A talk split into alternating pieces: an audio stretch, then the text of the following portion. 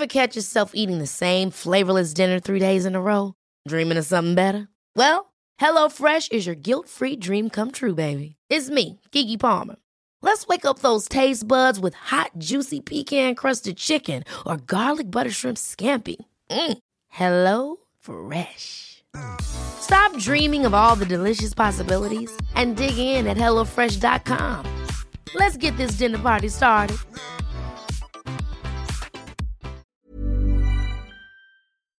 Och är det någonting som människohjärnan är väldigt dålig på så är det uppskatta hur mycket vi äter. Vi är brutalt dåliga på det. Så vi går bara på en subjektiv upplevelse. Jag äter mycket eller äter lite. Det har egentligen ingenting förankrat i hur verkligheten ser ut. I och med att för majoriteten är det väldigt svårt att uppskatta. För en stor volym mat kan innehålla väldigt lite energi och en liten bit av någonting kan innehålla väldigt mycket energi. Men det kan ge en känsla av att här åt jag mycket eller här åt jag lite. Men de har liksom ingen relevans.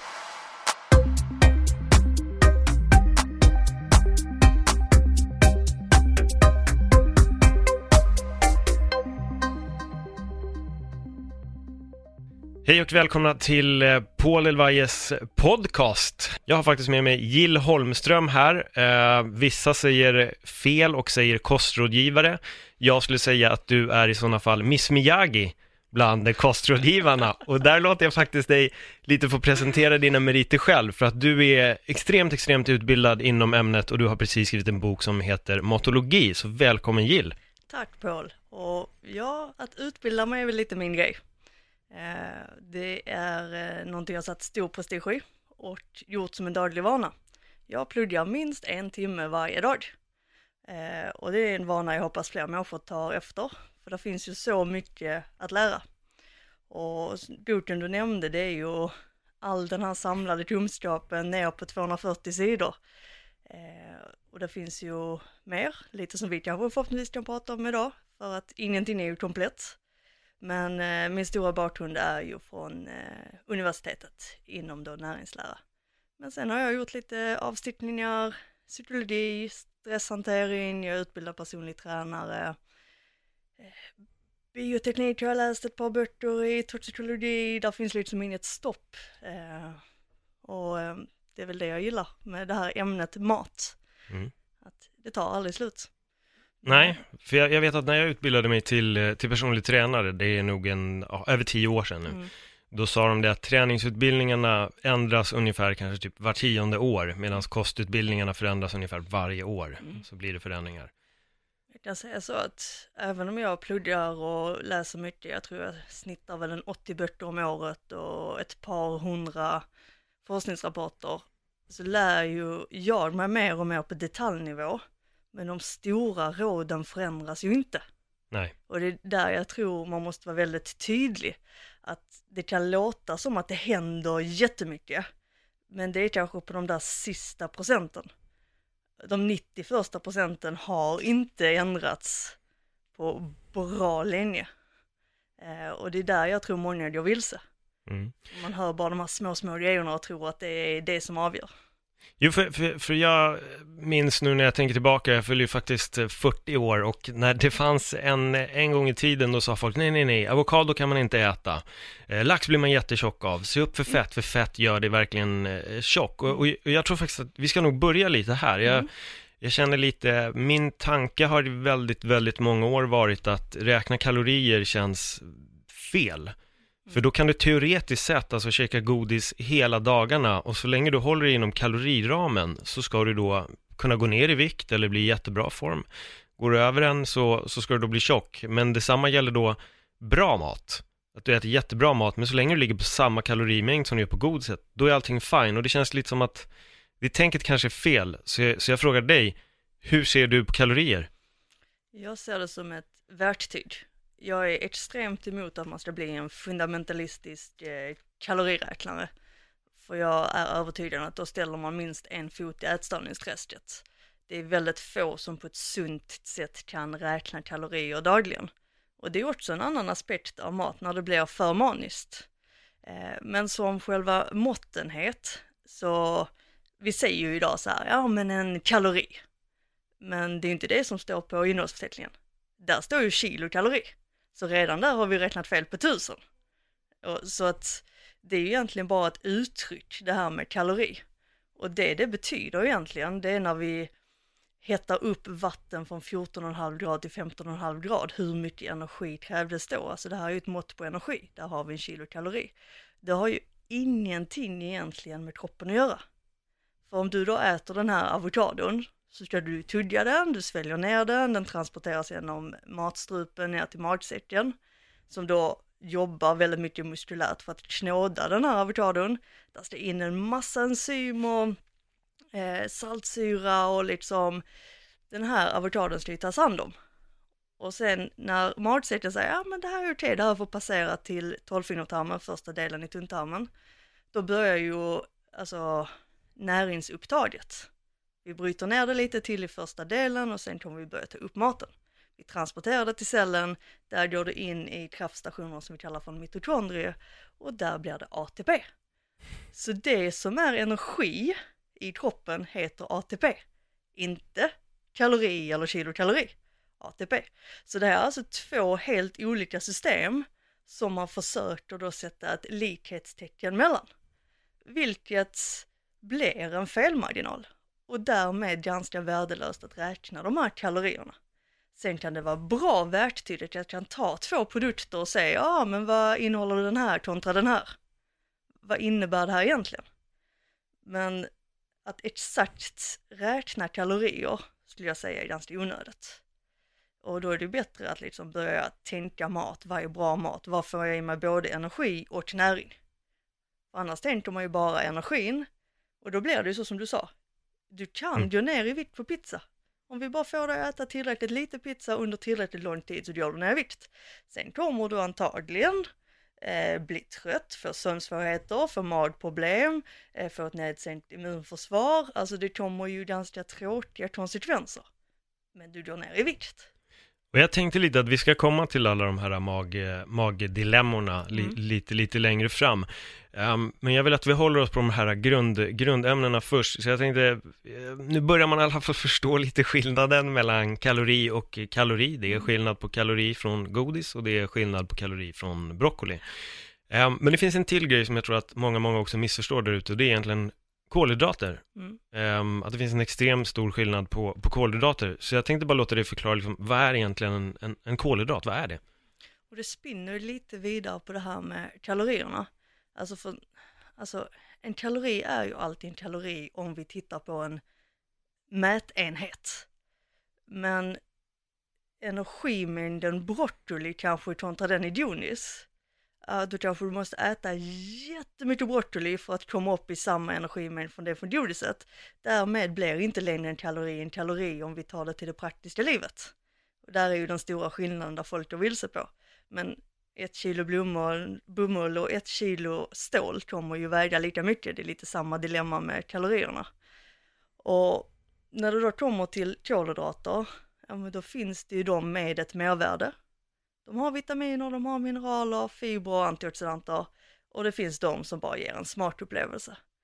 Jag har en klassisk jämförelse mellan potatis och bilar. Alltså för att, Få höra. eh, att, ja men tre nävar bilar med mina händer mätt, och jag får alltid höra att jag har jättesmå händer, väger ju runt 100 gram. Och det är fyra små potatisar, alltså av den mindre modellen. Eh, och då är det många som då inte tänker liksom på vatteninnehåll i en produkt. Att potatis har ungefär 80% vatten i sig. Så för att det ska vara lika mycket kolhydrater i de här Adrians bilar, motsvarande tre nävar, så måste man upp i över liksom ett halvt kilo kokt potatis. Och då blir det 83 gram kolhydrater i båda. Med den ena kanske krävs fyra måltider för att man ska få i sig och den andra tio sekunder. Vilket blir ju en stor praktisk skillnad. Och det är ju där man måste diskutera lite. Hur mycket äter jag av det? Blir jag mätt och vad får jag mer? För att, ja, en kolhydrat, alltså rent kemiskt, är det ju liksom hur många kolatomer sitter på rad och hur många väte binder till det. Alltså mat är ju kemi i Mm. grund och botten. Mm. Eh, men då blir det ju så här, okej för att vi ska kunna förstå det här med maten så måste man oftast lämna kemins värld och börja titta på råvaror. Var får jag C-vitamin? Var får jag fibrer? Var får jag antioxidanter? Och kanske då förstå varför man ens ska vilja ha de här grejerna. För det är inte heller alla som vet. Men det är väl också, det det känns som att det tänket på något sätt är ändå ganska nytt. Eller har jag fel där? För det, det, det känns lite som att folk har liksom stirrat, nu, nu förstår ju majoriteten då att man kan inte jämföra godis med potatis. Det är en Mm. jättebra jämförelse, men jag tror inte att folk har varit så korkade att de har, har tänkt så. Men det jag menar är lite att eh, det känns som att det är först nu man verkligen börjar titta på en kolhydrats innehåll. Mm. Alltså man börjar verkligen analysera vad innehåll, vad, vad får jag om jag äter broccoli och blir mätt på broccoli eller sallad eller morötter eller potatis kontra om jag äter enbart pasta. Förstår du lite hur jag tänker där? Men vi har ju fortfarande extremt många dieter som förbjuder alla kolhydrater. Ja. Vilket gör ju att de inte gör någon skillnad för det. Så i mångas värld så är det lika illa att käka potatisen som att det kanske skulle vara att ta godiset. Mm. För de säger bara nej, det innehåller kol- kolhydrater, det är inte okej. Men då har man ju tappat liksom alla nyanser. Eh, Så dessvärre så tror jag att det är väldigt många som faktiskt väljer bort de näringsrika kolhydraterna för att de har hört att man inte ska äta kolhydrater. Och så gör de ingen skillnad. Alltså man gör inte en grundläggande analys. Vad är skillnaden här egentligen? Eh, Så att det finns ju till och med dieter som säger att man får inte äta någonting som har växt under jord. Nej, det är väl lite så, är det LCHF som har den, den inställningen va? Mm. Ja. Och då är det så här att jag har ju gjort det här liksom det senaste decenniet. Jag har inte träffat någon som har ätit sig överviktig på lök eller morot. Mm. Det har inte hänt. Vilket innebär att då behöver vi liksom inte förbjuda saker och ting som växer under jord. Mm. Så mycket inom dieternas värld och kostens värld bygger ju på stora missuppfattningar och sen upprepas de tillräckligt många gånger så att folk tror på dem. Men vad är det som har gjort att folk har blivit så extremt eh, kolhydraträdda? Och, och, och, en till fråga i det också. Om folk nu sitter och lyssnar här och så säger de, men jag är kolhydratkänslig. Mm. Finns det någonting som är kolhydratkänslig? Det måste vara de lägger liksom i ordet liksom. Mm. Vi säger så här, åh jag åt kolhydrater och jag blir liksom helt, helt stissig. Man bara, eller så fick du energi. Mm. Så att du faktiskt skulle röra på dig och förbruka den här. Så där måste man alltid se vad menar de med det här begreppet. För jag har kunnat uppleva ibland, ehm, från personlig grej, det är att om jag äter för mycket kolhydrater så upplever jag att jag lägger på mig mera fett. Och när jag drar ner lite på kolhydraterna så märker jag ganska snabbt att jag faktiskt mm, börjar, börjar tappa ehm, vikt. Och jag har upplevt det som att jag kanske kan ha en viss, jag vet inte om det är kolhydratkänslig, men kanske att jag är mer benägen att faktiskt gå upp om jag käkar för mycket kolhydrater. Eller så gillar du bara kolhydrater mer och äter en större mängd. Det är möjligt. Alltså, Ibland är det så enkelt Ibland också. är det de enkla lösningarna för att det finns ju väldigt mycket med både kombinationen kolhydrater och fett och så skickar man in lite salt där också så kommer vi vilja äta mer. Och är det någonting som människohjärnan är väldigt dålig på så är det uppskatta hur mycket vi äter. Vi är brutalt dåliga på det. Så vi går bara på en subjektiv upplevelse. Jag äter mycket eller äter lite. Det har egentligen ingenting förankrat i hur verkligheten ser ut. I och med att för majoriteten är det väldigt svårt att uppskatta. För en stor volym mat kan innehålla väldigt lite energi och en liten bit av någonting kan innehålla väldigt mycket energi. Men det kan ge en känsla av att här åt jag mycket eller här åt jag lite. Men de har liksom ingen relevans. Har vi inte kanske lite också ibland när man går ut och äter en, en lunch eller en middag, speciellt kanske en, en, en lunch, att det serveras väldigt mycket ris. De dammar på kanske extremt mycket ris, väldigt mycket potatis och så mindre av allt andra. Att man sitter och proppar i sig av de grejerna också, att det kanske där blir ett missförstånd för huvudet då, att man kanske upplever att man är lite benägen att gå upp av kolhydrater, fast egentligen så överdoserar man kanske mängder Du, av kolhydrater. Alltså går du upp i vikt så har du överdoserat totalen du har ätit. Alltså du kan ju upp i vikt av kolhydrater, fett och protein, det vi kallar för mat. Och du kan gå ner oberoende på vilken liksom, energifördelning du har. där får man nog lite mer gå till sig själv och se vad överäter jag, vad kan jag äta lite för mycket av? Alltså, för många människor är det bröd. För att man blir kanske inte så mätt, man tycker det är svingott, man kan alltid peta in någon extra skiva där och där och man kanske glömmer bort att man slentrianmässigt käka liksom fem extra skivor i veckan. Ja men 552, det är klart det kommer göra skillnad på ett år. Och jag tror det också där lite mer än att det kanske är bröd innehåller kolhydrater. Så är det kanske det man gör lite extra av. Men de som medvetet käkar bröd, att nej men det här är ett schysst mellanmål för mig. Behöver inte få något problem med vikten eller eh, eh, bli något problem överhuvudtaget, utan snarare det kan hjälpa till vid en prestation eller för att hålla energin hela dagen. Så det handlar nog mycket om hur medveten man är när man konsumerar. För väldigt många gör det slentrianmässigt, så vi kan ju testa med dig. Vad käkade du till lunch tisdag tre veckor sedan? Lunch tisdag, så jag har gått på ganska strikt eh, kost senaste tiden. Så jag ligger på en variant av periodisk fasta. Mm. Eh, men lunchen är ungefär densamma varje dag. Och det blir någon form av kött, fisk eller fågel. Och sen har jag just nu faktiskt lagt till, antingen så äter jag en väldigt matig sallad. Mm. Eh, och då menar jag inte isbergssallad eller spenat, utan med broccoli, tomat, paprika. Eh, men lite potatis till det. Ris och pasta har jag nästan uteslutit mer eller mindre helt. Men det är också för att jag åt allt på tok för mycket ris och pasta under väldigt, väldigt många år. Eh, och jag har mått ganska bra av att ta bort det. Eh, pastan för att den har påverkat mig på ett negativt sätt med magen och jag tror att den ska vi komma till Mm. eh, lite längre fram. Men just nu så är det, det, det, är, rätt, det är strikt. Det är kött, fisk eller fågel och så är det inte mycket potatis men lite grann. Okej, Och sen så sallad. vad åt du exakt tisdag tre veckor sedan? Tisdag tre veckor sedan skulle jag nog tro att det var fläskkarré med potatis och eh, spenat, tomat och belverde broccoli. Så nu är ju du på ett strikt roster blade, Mm. men du får ändå tänka till. Ja. Tänk då en person som inte är på något roster blade, käkar slentrianmässigt, man har inte en suck. Och om vi då tittar på alla vanor vi har, åt du två nävar godis, tre nävar godis, var det 20 jordnötter eller var det liksom 65? Hur mycket blir det? Och så adderar vi upp där. Så vår medvetenhet till vad vi äter är generellt väldigt, väldigt låg om man inte går på ett rosterblade. Mm. För då, det, alltså det finns ju ingen relevans för hjärnan att komma ihåg vad du käkade till lunch för tre veckor sedan. Det hjälper inte din överlevnad. Alltså det finns ingen anledning för oss att lagra in det här i hippocampus som då är liksom vårt långtidsminne. Mm. Det är irrelevant. Vilket gör ju då att väldigt många glömmer bort vad de faktiskt gör.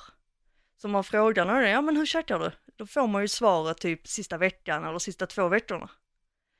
Men längre bak gör vi inte så mycket analyser såvida inte man har gjort någonting stort som du sa, ja men jag har tagit ner på pastan för den påverkar min mage. Mm. Ja, då minns vi ju det. Men alla så här små grejer. Och det tror jag är steg ett, att bli medveten när man äter. Och då inte maniskt liksom att, ah, jag måste väga och mäta allting. För det brukar slå fel åt andra hållet. Det är ju en balansgång däremellan. Ja, jag, jag tänkte lite där, där vill jag också fråga, jag tror att anledningen till att jag personligen då har fått eh, liksom bukt på min kost på ett speciellt sätt, dels är det för att jag går, som jag sa, på en, en variant av eh, periodisk fasta. Eh, jag håller inte helt, helt strikt, jag bryter den till och från, eh, som den klassiska ursäkten som gäller sju dagar i veckan är att folk säger Ja, man måste kunna leva lite också. Och jag tar väl det liksom på helgen. Eh, och då, då väljer jag inte fredag, lördag och söndag, utan jag väljer oftast en, en dag där jag känner att jag vill eh, kanske leva lite också. Men Eh, Eh, det består väl kort och gott av att jag käkar min frukost mellan 11 eller 12. Ehm, jag äter mitt sista mål cirka 8. Sen är, jag, sen är jag klar. Och det håller jag mer eller mindre, inte sju dagar i veckan, men i alla fall en, en fem, sex. Sen om jag ska ut och käka på en restaurang klockan nio på en fredag eller lördag, då tackar jag absolut ja till det restaurangbesöket. Jag säger liksom inte nej i den striktheten. Men eh, där har jag väl personligen fått en grej, så när vi ändå lite inne på det ämnet så vill jag fråga, periodisk fasta, ehm, hur funkar det? Vad, vad, vad kan du säga om, om det ämnet? Det är ju en beteendemodell framförallt. Eh, som kan hjälpa en med medvetenheten. För du behöver tänka till. Eh, jag kan tycka den är bra för personer som inte uppskattar mat på morgonen. som kanske hela livet har hört att du måste äta frukost, frukost är det viktigaste målet, du kommer i princip dö om du inte äter frukost, som inte har någon relevans i de här uttalandena. Då tror jag det kan släppa på stressen när man hittar någonting som säger, ja ah, men skönt du, det är okej okay att börja käka till lunch. För ditt energi och näringsbehov är ju liksom utslaget, vad käkar du per vecka, månad, år? Alltså det är inte så att kroppen är beroende på liksom just den här specifika dagen. Sen finns det lite formtoppningar och sånt i idrottstävlingar, men om man liksom ska fundera i vardagen så kan man lika bra äta mellan 12 till 8 som att man kan käka frukost. Alltså det är inte rätt eller fel här, utan här får man känna efter vad funkar för mig. Så ur det perspektivet så tror jag att väldigt många som gillar det här tankesättet har kunnat släppa på stress och krav och den här känslan av att tidigare, tidigare gjort fel. Eh, vilket oftast leder ju till någon form av känsla av stress eller otillräcklighet. Och då kanske det helt plötsligt blir så här, ah, men nu mår jag bra för nu är det okej okay att jag bara tar det lugnt på morgonen, man kanske oftast får ta en kaffe ändå eller någonting. Och sen när de känner sig redo och äter så käkar man. Om man då har planerat för det så man äter bra mat där och man äter bra mat ända till klockan åtta och sen är man nöjd för kvällen. Inga som helst konstigheter. Många mår ju bra av att sluta äta klockan åtta för då fastnar de inte med chipsskålen i soffan på kvällen. Det är ju en aspekt. Eh, så det är ju också liksom, vad hade jag för vanor tidigare? Vad har jag bytt till? Mer än de här exakta klockslagen. För du skulle kanske få lika bra resultat om du börjar käka 13 och slutar 21. Ja, nej men precis, det gäller väl att bara hålla det inom den där åtta mm. timmars ramen. Det, personligen måste jag väl säga att det, det som jag är lite fascinerad över, det är väl sättet jag kan jag kan kontrollera min hunger. Eh, jag går inte runt och är hungrig hela tiden som jag kunde uppleva att jag var förr. Utan nu istället, nu äter man, jag äter mina tre, det blir oftast bara, faktiskt bara tre mm. mål per dag. Medan förut kunde jag nog äta både fem eller sex mål och, och det var det var tredje timme, var tredje timme annars muskelnedbrytning och du kommer börja bryta ner muskler och bla bla bla, allt, allt vad det nu är. Och det är väl det som har fascinerat mig att jag klarar mig faktiskt på väldigt mycket mindre, mycket, mycket mindre mat. Mm. Jag upplever inte mig svagare, jag upplever mig inte tröttare, men kanske också för att jag har lagt till vissa andra detaljer i maten, att den är väldigt eh, korrekt, kan jag väl säga. Och där blir nästan en liten snygg övergång till så här uh, magens effekt på hjärnan. Mm. Som du tar upp väldigt mycket i den här boken och det är därför jag personligen tycker att du har skrivit eh, en bok som är lite så här nästa nivå eh, på kost. Det är inte bara så här gör man, utan du, du går in på väldigt mycket detaljer som jag själv har läst väldigt mycket om runt omkring. Så när jag slog upp din bok och det var ungefär det första du tar upp, så blev jag så här, wow! Jill har skrivit en riktigt, riktigt bra bok här och har varit väldigt fascinerad av det. För det är någonting som jag har lagt till väldigt mycket i min kost och det är därför jag säger just att jag äter kanske kött, jag äter mycket fetter också. Bra fetter. Mm. Men om du bara får förklara egentligen vad, när började man inse likheten mellan magen och hjärnan? Oj, exakt årtal har jag inte, men det är ju någonting som har figurerat i forskningen bra länge. Alltså dels för att vi har kopplingen via kranialnerverna, alltså den största vagusnerven har ju kanske några känt till. Eh, vi har liksom förbindelser via vårt nervsystem. Eh, så att vi vet ju med säkerhet att hjärnan och tarmarna eh, kommunicerar med varandra konstant. Alltså det skickar signaler upp och ner. Vi har hungershormoner, vi har mättnadshormoner. Så 2018 så har vi ju inte kartlagt allting än. Utan det kommer ju så här små fynd.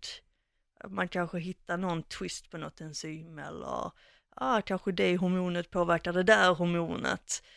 Alltså vår kropp är ju ganska komplex.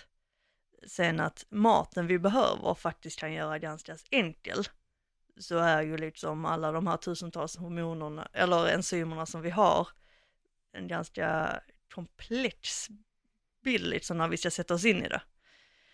Så att de påverkar varandra, det vet vi. Och då är det ju intressant för oss att göra det bästa av vad vi vet idag. Och när du liksom sa att du fick problem med magen av pastan, eh, jag blir inte jätteförvånad för vi har en ganska hög procent av världsbefolkningen som är känsliga mot vad eh, Monash University har klassat som FODMAP. Eh, och det är ju liksom det universitet som har bedrivit mest forskning då på liksom eh, olika kolhydraters påverkan i magen. Och där har man ju då bland annat spannmål som innehåller någonting som heter fruktaner som kan ställa till problem. Och då handlar det ju mer om att det är en dos. Vissa klarar mer, andra klarar mindre.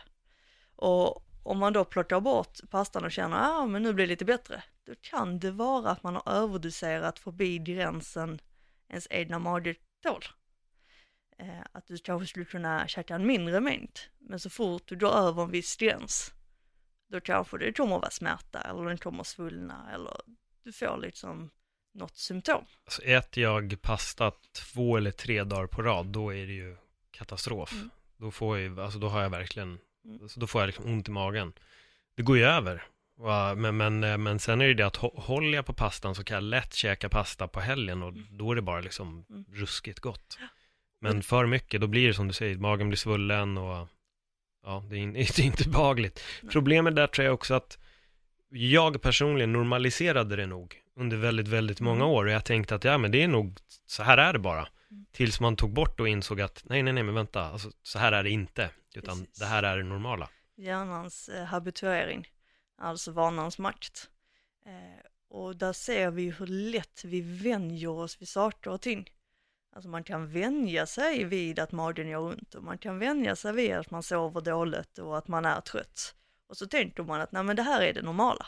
Och sen först när man får känna någonting annat så känner man bara wow, kunde jag må så här bra? Men då måste man ju våga testa någonting nytt. Och där ser man ju också en koppling mellan hjärnan och magen. Magen skriker ut sina signaler och hjärnan stänger av. Att den bara, nej, det här tänker jag inte lyssna på.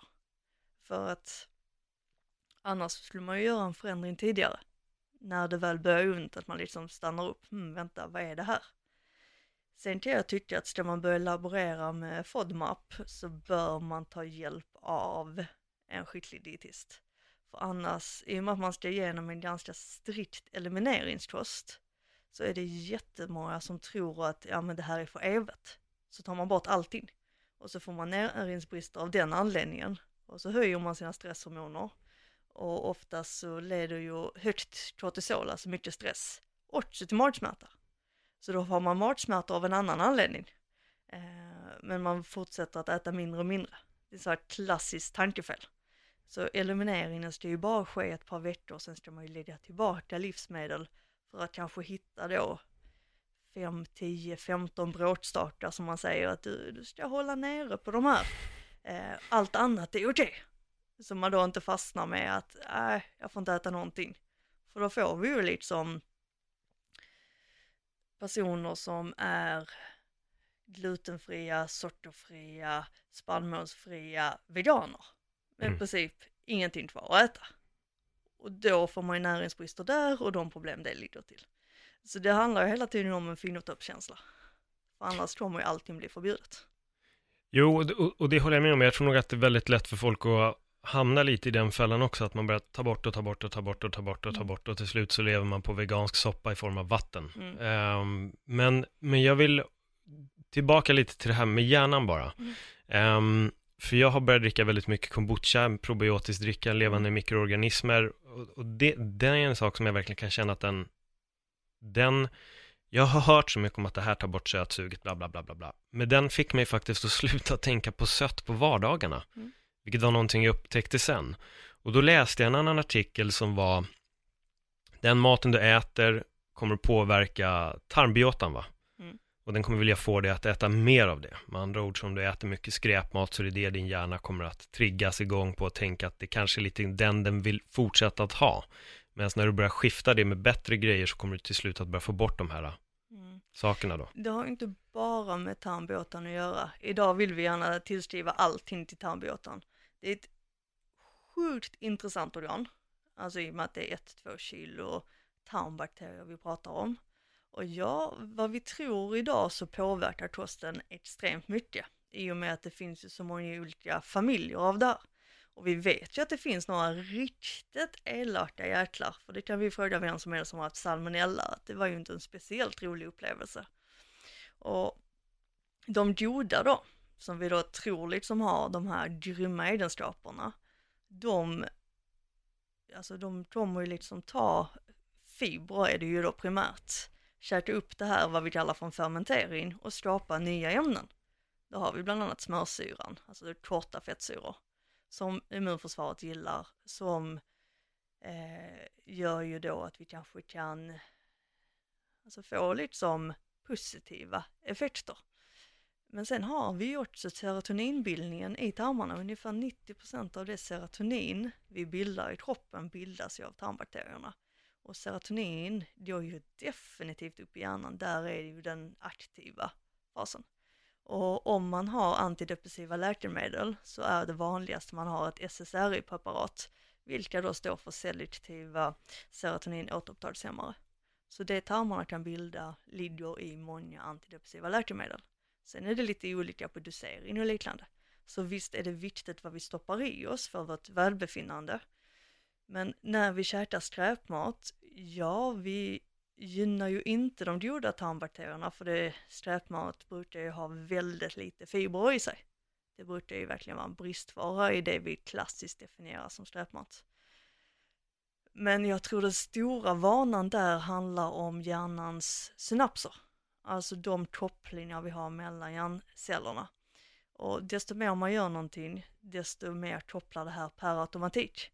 Så Äh, är man och käkar skräpmat två gånger i veckan så kommer man ha en tillvänjning till det här, då är inte steget långt till att käka tre gånger i veckan, fyra gånger, fem gånger. Eh, och då är det ju större sannolikhet att det har liksom med synapserna i hjärnan att göra än kanske den direkta påverkningen på tarmbåten. Eller så finns det en kombination. Eh, det får framtiden lite utvisa. Men vi vet att det går snabbt att vänja sig vid både sämre matvanor men också bättre. Så det går ju åt båda håll. Jag tycker, jag tycker det här är väldigt intressant som du, du tar upp med hur vi faktiskt kan påverka serotoninet bara genom att äta mat. Så uh, nu kör vi en uh, kanelbullefrulle och vi dricker en kopp kaffe på det och så sticker vi till jobbet och sen så uh, ja, fikar vi lite mer smäller i lite socker i allt det här igen och så går man och käkar lunch, man käkar gärna skräpmat och det fika på jobbet igen, man kommer hem, slänger ihop liksom snabbmakaroner, mikroköttbullar, käkar det, sen sätter man sig i soffan och så käkar man någonting katastrofalt igen. Um, och så har vi den andra då som käkar en bra frukost och där får väl jobba lite på definitionen av vad är en bra frukost, men någonting som är positivt för magen, positivt för, för hjärnan och lite socker säger vi, bra fetter och bra protein, bra kolhydrater. Hur påverkas då psyket på de här två personerna? För din bok tar upp lite det här med depression, mat och du nämner nu också serotoninet. Mm. Så hur lever de här två människorna liksom parallellt vid varandra rent psykiskt kanske man ska säga? Mm. Alltså har man subkliniska nivåer, alltså för lite över lång tid av exempelvis D-vitamin och B12 så är ju symptomen trötthet och en lättare depression. Ja, då kanske man försöker liksom trösta sig med ännu mer skräpmat, för det vet vi är ett vanligt beteende. När man mår sämre eller liksom man är ledsen eller man känner sig lite som otillräcklig. Då vill man ha glass. eh, och det handlar ju då lite om att man vill få igång eh, belöningscentret i hjärnan. Är det dopaminet man triggar där då, eller är det något annat? Ja, men dels är det ju då dopaminet. Alltså dopaminet är ju en motivator. Alltså allting egentligen vi gillar ger oss dopamin. Oavsett om vi pratar mat eller någon annan vana, så är det ju dopamin som har ett finger med i spelet. Och mår man då dåligt så kanske man då kommer ihåg något lyckligt tillfälle där man käkade pizza och det var bara helt fantastiskt. Ja, och då vill man kanske ha känslan, lyckan, tryggheten, det här känns bra. Och så tror man då att pizzan är en väg dit. Men det är ju bara så tillfället. Alltså när det kommer liksom från de här källorna så sitter ju inte lyckan i speciellt många minuter. Sen kommer matkoman och ångesten. Det brukar ju vara den klassiska loopen. Så maten kan ju definitivt påverka allmäntillståndet. Alltså mer än vad jag tror många tänker på. Men då handlar det ju fortfarande om sunt förnuft att kosten i helhet ska vara bra. Man har utrymme för att ta en fika. Ever catch yourself eating the same flavorless dinner three days in a row? Dreaming of something better? Well, Hello Fresh is your guilt-free dream come true, baby. It's me, Gigi Palmer. Let's wake up those taste buds with hot, juicy pecan-crusted chicken or garlic butter shrimp scampi. Mm. Hello Fresh. Stop dreaming of all the delicious possibilities and dig in at HelloFresh.com. Let's get this dinner party started. Here's a cool fact a crocodile can't stick out its tongue. Another cool fact you can get short term health insurance for a month or just under a year in some states. United Healthcare short term insurance plans are designed for people who are between jobs, coming off their parents' plan, or turning a side hustle into a full time gig. Underwritten by Golden Rule Insurance Company, they offer flexible, budget friendly coverage with access to a nationwide network of doctors and hospitals. Get more cool facts about United Healthcare short term plans at uh1.com. gång ibland. Det behöver liksom inte vara för fundamentalistiskt. Men man kan liksom inte basera kosten så som på ditt första exempel och sen förvänta sig att man ska må tipptopp. För att det kommer ju vara för lite näringsämnen för kroppen. Och, och det är det här jag menar med att jag tror inte riktigt att folk har förstått det förut. Utan man har tänkt på att frukost som frukost. Alltså när jag var liten, jag åt på riktigt, det var rostad macka med smör, sylt och så drack jag O'boy, sen gick jag till skolan. Mm.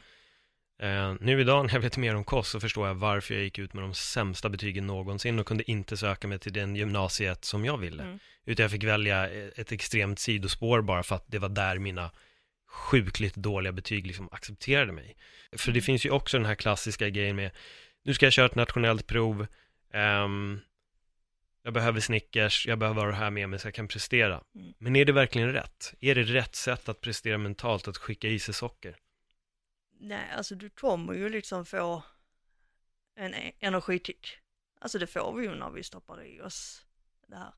Och då kanske du liksom bara, ah, nu ska jag fokusera. Eller så blir du disträ, så då blir det kontraproduktivt. Någonstans måste vi lära känna oss själva. Hur svarar jag på det här egentligen? Hur mår jag? Men nej, om man ska skriva nationella provet och så kanske man ska fokusera på en schysst lunch innan och sen kanske inte sitta och tugga under provet. Men att tudja har ju en lugnande effekt. Det är därför ofta människor som är stressade som vid ett nationellt prov som är en stor utmaning för många, att man vill ha någonting att stoppa i munnen. För man försöker få igång det parasympatiska nervsystemet, alltså lugn och ro nervsystemet. Eh, och det har ju kanske sina fördelar. Men man kan ju lite se folk när de är nervösa hur de väldigt frenetiskt tuggar tuggummi. Så det är inte alltid att det hjälper, det är inte alltid att de lyckas med vad de vill, men det är ett försök att ta sig dit. Och om vi lite tittar på hjärnans olika delar som jag tycker är väldigt intressant. Så Jag vill bara backa bandet en sekund. Vad är en schysst lunch? Vad är egentligen en schysst lunch? Definitionen av en schysst lunch. mat.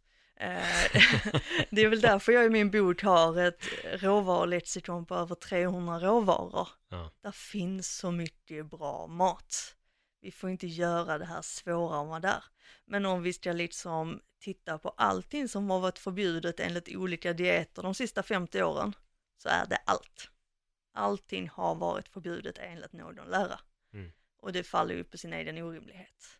Eh, Så jag skulle ju säga då en variation, alltså där man äter lite av varje på liksom kött, fisk, fågel, ägg, alla typer av grönsaker, baljväxterna, väldigt många glömmer bort baljväxterna, rotfrukter, mejeriprodukter, frukt, bär, nötter, saker och ting som innehåller vitaminer och mineraler.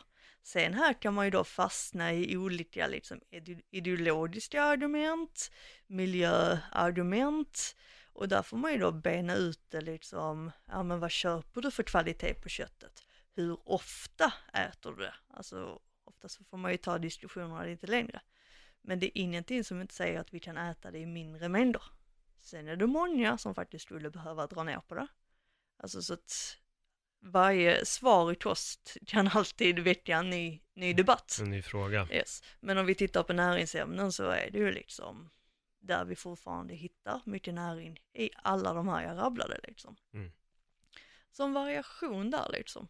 Eh, tror inte vi ska låsa oss för smalt att man bara, vi får bara äta det här eller vi får bara äta det här.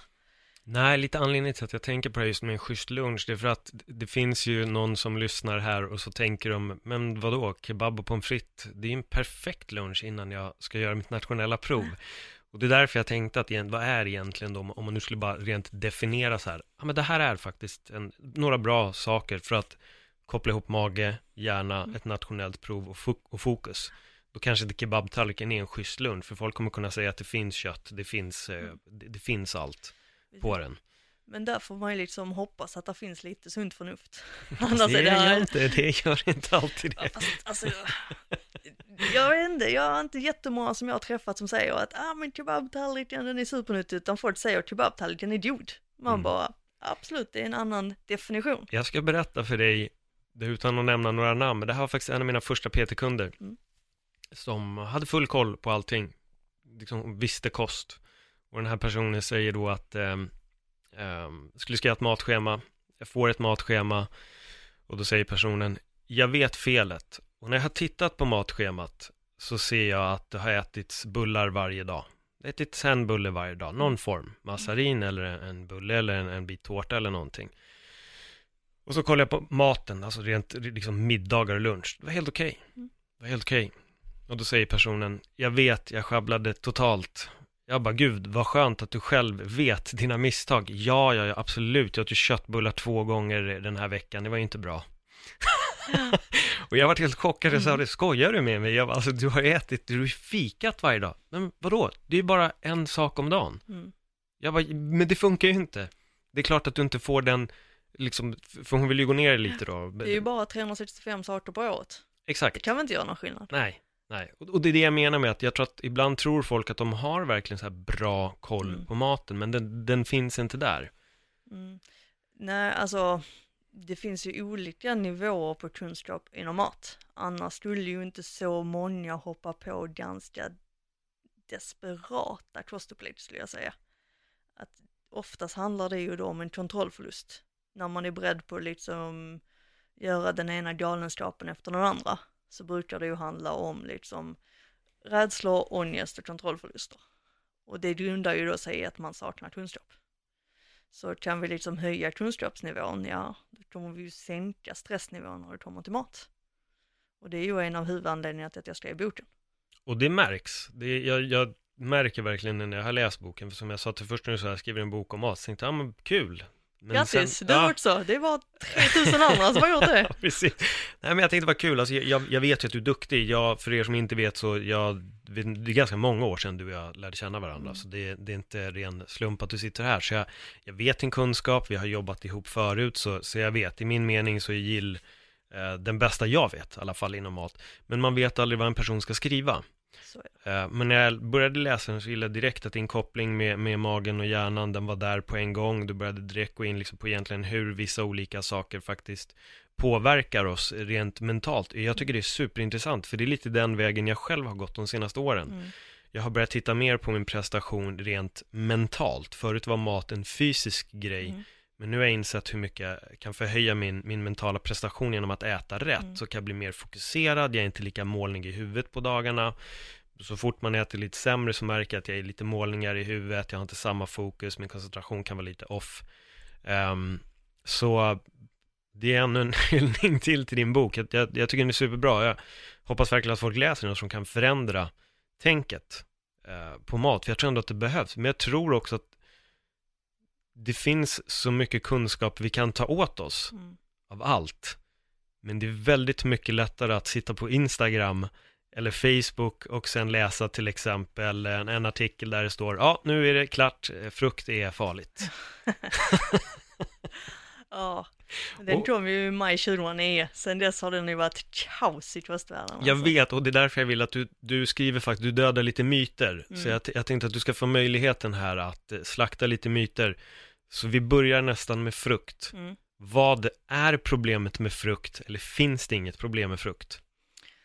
Alltså du kan ju dö av för mycket vatten så visst kan man göra ett problem. Alltså juicandet har ju blivit en stor trend som du, du smäller i dig fem gigantiska juice om dagen så skulle jag klassa det långt ifrån hälsosamt. Men om du käkar frukt i dess liksom eh, grundform så skulle jag säga att det är en väldigt bra vana. Sen behöver man ju inte smacka i sig 40 apelsiner men då behöver man ju snarare ha hjälp med en hetsätning.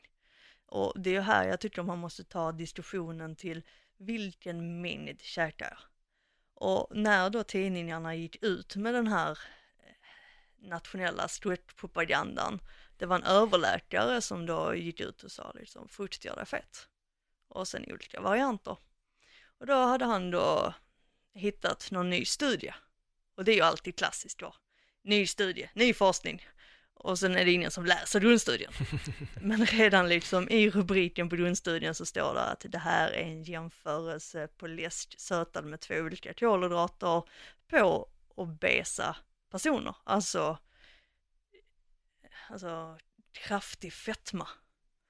Och är man lite insatt i fysiologi så vet man att cellerna fungerar olika beroende på kroppsvikt.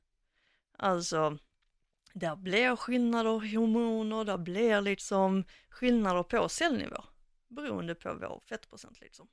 Så när vi då börjar gå upp emot en 50-60 i eh, kroppsfett, ja men då kommer vi ha med största eh, sannolikhet, det finns alltid ett undantag som bekräftar regeln, med största sannolikhet en nedsatt insulinkänslighet. Alltså det kommer ha hänt grejer rent fysiologiskt. Då kan ju inte en vältränad person läsa den här forskningen och säga, ah det gäller för mig. Men som sagt, det var inte frukt, det var läsk som jämfördes då. Och några av de här försökspersonerna fick ju dricka liksom 2,5 liter läsk varje dag i 10 veckor. Alltså man behöver inte vara Einstein för att räkna ut att det inte är bra för hälsan. Inte bra för ekonomin heller. Nej. Enligt Lyxfällan så hamnar folk i stora problem av det där. Men jag, jag, blev själv väldigt fascinerad av den och jag, just då jobbade jag ju, var jag aktivt arbetande som PT. Jag fick ju jättem, jättemycket frågor mm. om det här med, med frukten då. Ja. Um, men, men där måste jag fråga dig, för det här är också en, en diskussion som väldigt många har. Det är, men det är väl bra att dricka apelsinjuice, pressad apelsinjuice? Den här diskussionen har jag dels haft med min brorsa flera gånger. Jag hävdar att det är bättre att äta en apelsin och han säger nej men apelsinjuicen är superbra. Mm. Alltså då brukar man ju vara inne på en smart referens. Men här kan det vara bra att veta, alltså det vi i dagliga tal säger fruktsorter heter ju fruktos och är en monosackarid, alltså en enkel sockerart. Och den lärde man ju sig precis efter liksom eh, Kubakrisen att renframställa från majs. Så det är ju en otroligt subventionerad råvara i USA, vilket innebär att den produceras ju gigantiskt mycket. Så det här renframställda sockret är ju, alltså, vi har ju strösocker, det är ju också renframställt och sen har man då renframställd fruktos, eh, högfruktossirap och kärt barn har många namn. Och om man då tänker i form av den här renframställda, då ska man se den som en ren sockerart. Men den heter fortfarande fruktos så folk kommer lätt kalla den för fruktsocker och då gör hjärnan snabbt en association till frukt. Då ser man bananer och apelsiner framför sig. Man ser kanske inte läsken, godiset, glassen och de här bitarna. Och om vi tittar vitt socker som kallas sackaros, som då är en disackarid som betyder två sockerarter, då består den av glukos och fruktos. Alltså hälften av allt vitt socker vi äter idag är fruktsocker. Så fruktos kan bli ett problem om man överkonsumerar som individ. Men det har ju ingenting med frukt att göra och det var ju där den största missen kom. Så om din brorsa eller um, dricker två deciliter apelsinjuice, är vältränad, jag har aldrig träffat din brorsa. Eh, vi säger nu att han är vältränad, rör på sig ofta, har inga problem med vikten, mår bra. Nej, du kan dricka dina två deciliter apelsinjuice, inga som helst konstigheter. Men du kommer inte få i dig lika mycket fibrer så käka det då någon annanstans ifrån. Och alltså man kan ju välja liksom. På samma sätt som äter man apelsinen direkt, ja då fick du ju i dig alla fibrerna också. Mm. Och det vi äter i fastform kommer ju mätta lite mer än det vi dricker. Där blir ju också en liten skillnad. Jag har en fråga till angående när vi ändå är inne på det här med fru, eh, fruktos och allting. Det är väldigt trendigt just nu med sockerfria produkter. Mm. Och eh, så när man tittar noga så innehåller de istället samma mängd, typ fruktsocker då, eller någon annan form av sockersubstitut. Märkligen är lu- luret idag. Är, det, är det verkligen sockerfritt då? Det är min fråga. Det är väl samma sak? Ja, i princip. Men det blir ju inte samma sak enligt marknadsföringsregler. Nej, nej men det, det är precis det jag vill komma till, så det är bra att du ger, att du ger det svaret. Men, men rent fysiskt händer samma sak. Och nu, nu pratar jag då inte om till exempel eh, sötningsmedel. Utan Nej, för då blir det ju energifritt. eh, exakt. Men många har ju gått över till eh, polyols, eller vad vi översätter till sockeralkoholer. Mm. Och de har bara hälften av energiinnehållet som vanligt socker. Men i för stora doser så kommer de jävlas med magen hos oss alla. Mm. Alltså man har sin individuella tålighet för sockeralkoholer. Vanligast är ju xylitol. Eh, och innehåller produkten mer än 10% så måste det märkas ut kan ha en lakserande verkan. Och det tror jag väldigt många upplever när de käkar kanske lite väl mycket proteinbars. Ja, jo. Att magen kapitulerar. Ja. Och, och då, jag, jag måste, när du ändå är inne på proteinbar så känner jag att vi, det är lika bra att ta det direkt. Eh, hur bra jämfört med godis är det egentligen? Eller hur mycket godis är en proteinbar? Alltså det är ju, alltså det är ett så brett område. Det finns väl ja, 400-500 olika proteinbars idag. Eh, så att vissa skulle ju vara bättre än godis och andra är ganska jämförbara. Mm. Eh, så där gäller det ju liksom titta innehållsförteckningen.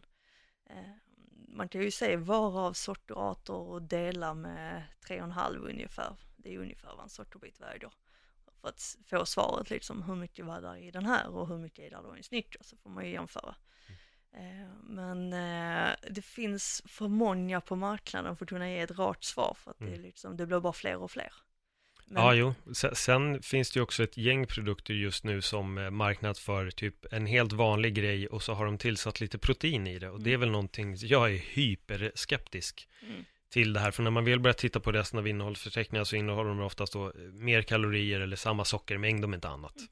Bara att de kanske har bytt ut det mot fruktos istället för rent, rent socker. Men för mig känns det som att det är same, same. Ja, alltså skillnaderna är ju så marginella. Men det är det där lilla proteinet som vi behöver va?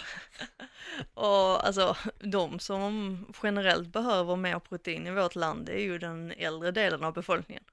Så man kanske ska liksom eh, ge dem till farmor och farfar. Eh, Medan många i träningsvärlden redan äter bra mycket mer protein än vad de behöver. Så de gör ju egentligen bara en omvandling till glukos, alltså till kolhydrater.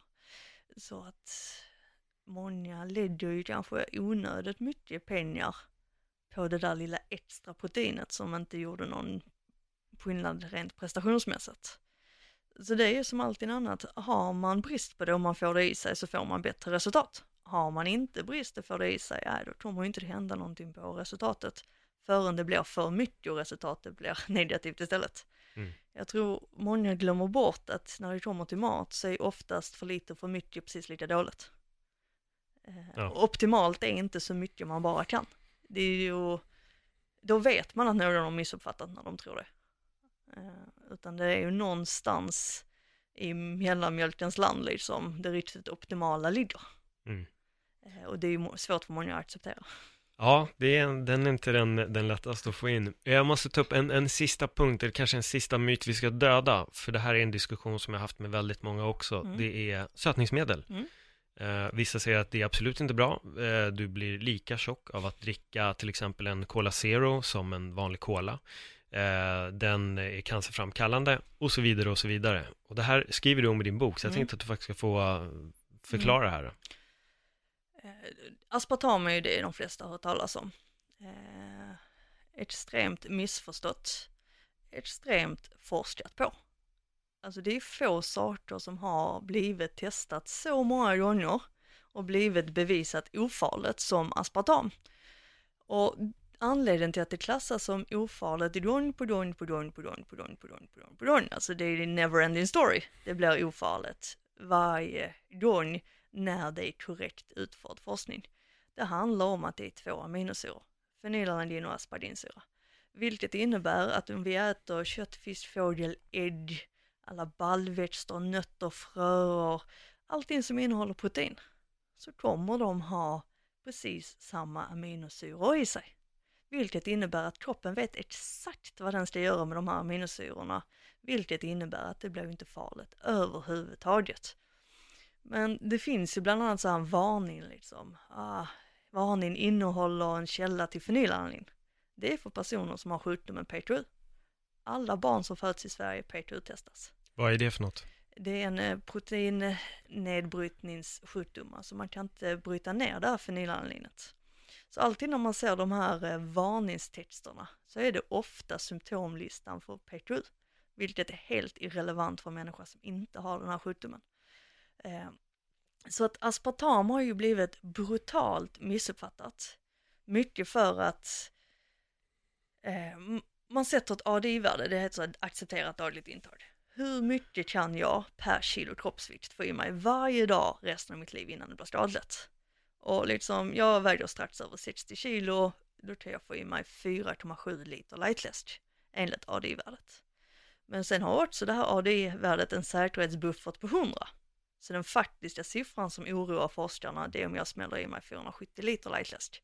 Och då är jag ju tvärdöd i en vätskeförgiftning långt innan aspartamet har skadat mig. Ja. Så att det här med cancern, ja den forskningsrapporten är ju förkastad för att mössen de använde var så genetiskt defekta så att de utvecklar tumörer bara de blir tillräckligt gamla, alltså ett mm. antal dagar, vilket innebär ju att det är ju inte korrekt forskning. Alltså då har vi gjort ett grovt fel i den här forskningsrapporten. Men vissa saker lever kvar. Och för att än en gång, det hjärnan hör oftast tror vi mest på.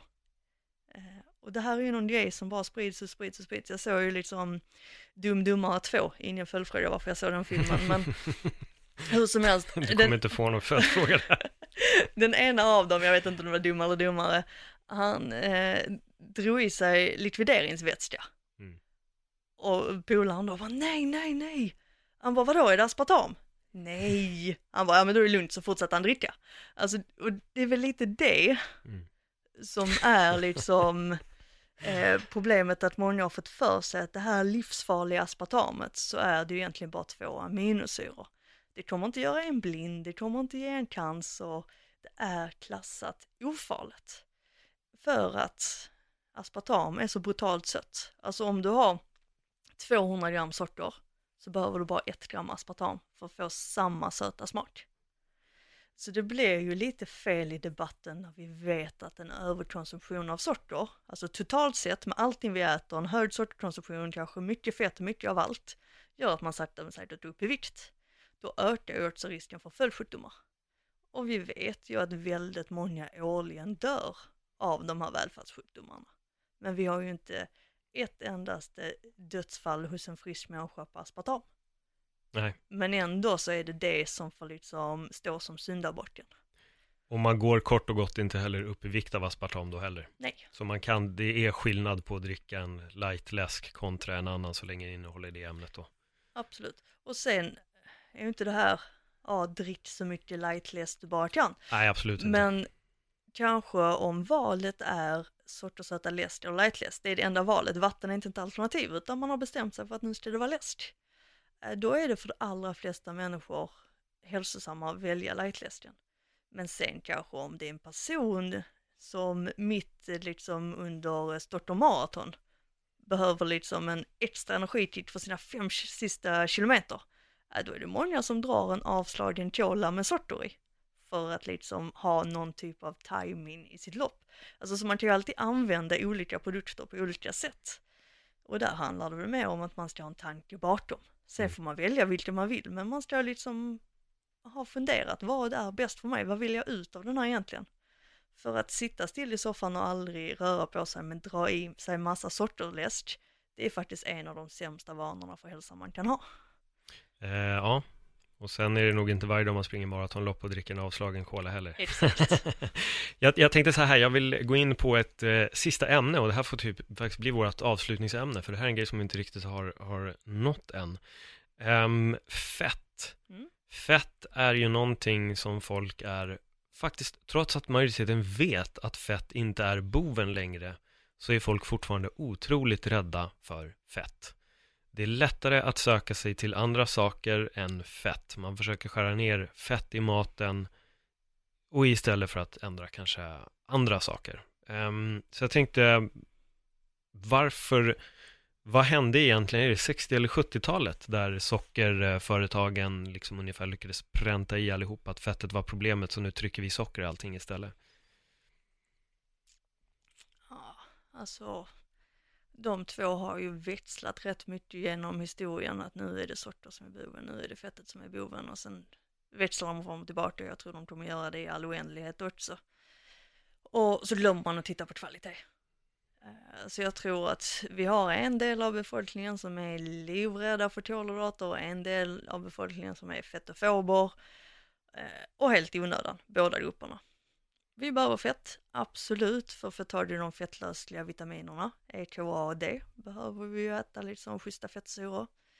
Hjärnan består av ganska mycket fettsyror, nervsystemet behöver det. Vi har ju liksom myelinskidorna runt hela nervsystemet. Det är ju de som gör att signalerna kan skickas så fruktansvärt snabbt. Vi behöver bland annat fettsyror för att kunna bygga könshormonerna, testosteron och östrogen, så utan det så dör ju arten ut på sikt. Så självklart behöver vi då käka fett, men vi kanske inte behöver smälta smör och dricka det. Än en, en, en gång liksom nyanser liksom. De som har smör i kaffe då? Alltså om det funkar för den totala, ofta så lägger man i smör i kaffe för man vill ha en större mättnadskänsla. Och om det funkar, absolut. Men sen finns det också många som har den här vanan som bibehåller en övervikt. Då är det inte bra längre.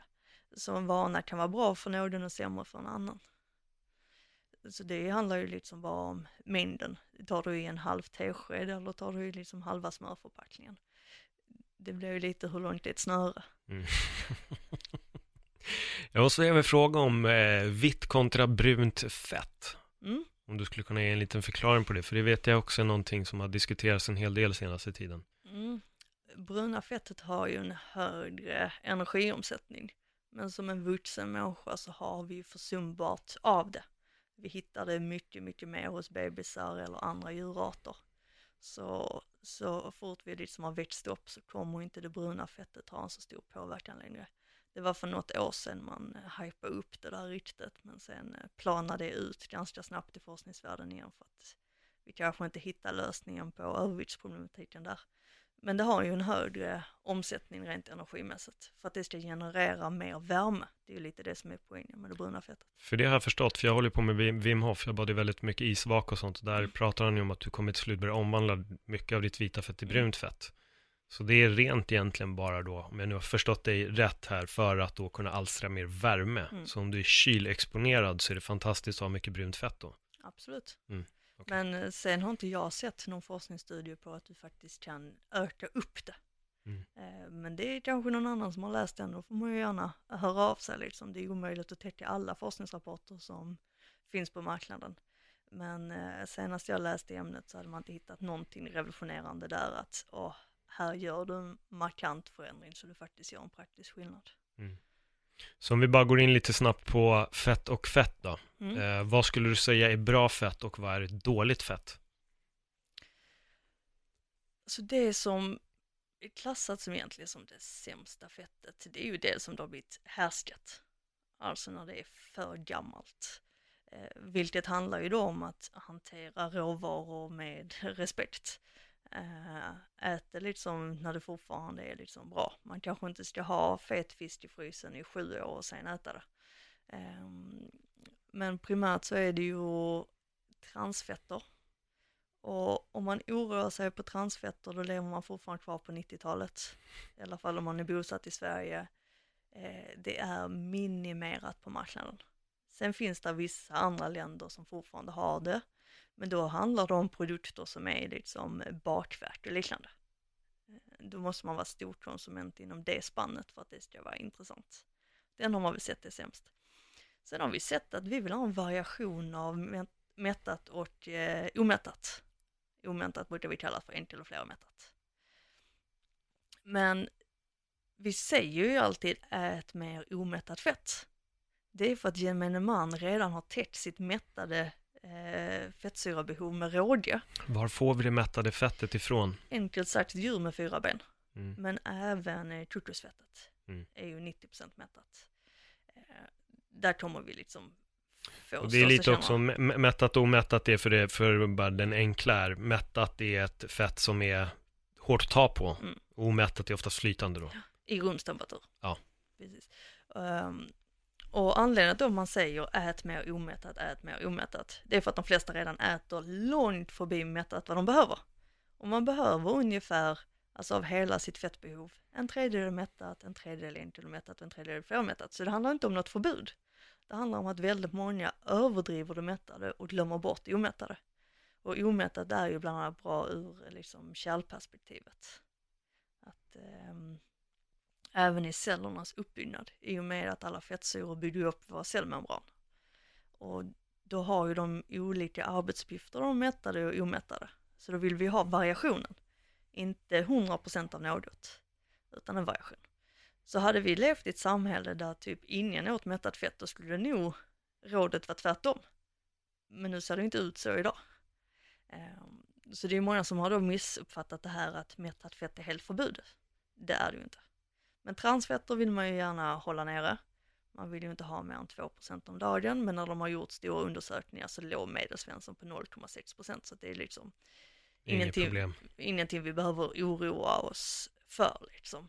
Eh, utan det problemet har gått ur tiden och det är väl också fantastiskt att belysa att kostvärlden är inte nattsvart. Allting är inte farligt att äta. För det är ju lätt att få för sig när man ser vissa Instagramkonto och liknande att allting är farligt. Mm. Vilket är ganska långt ifrån verkligheten.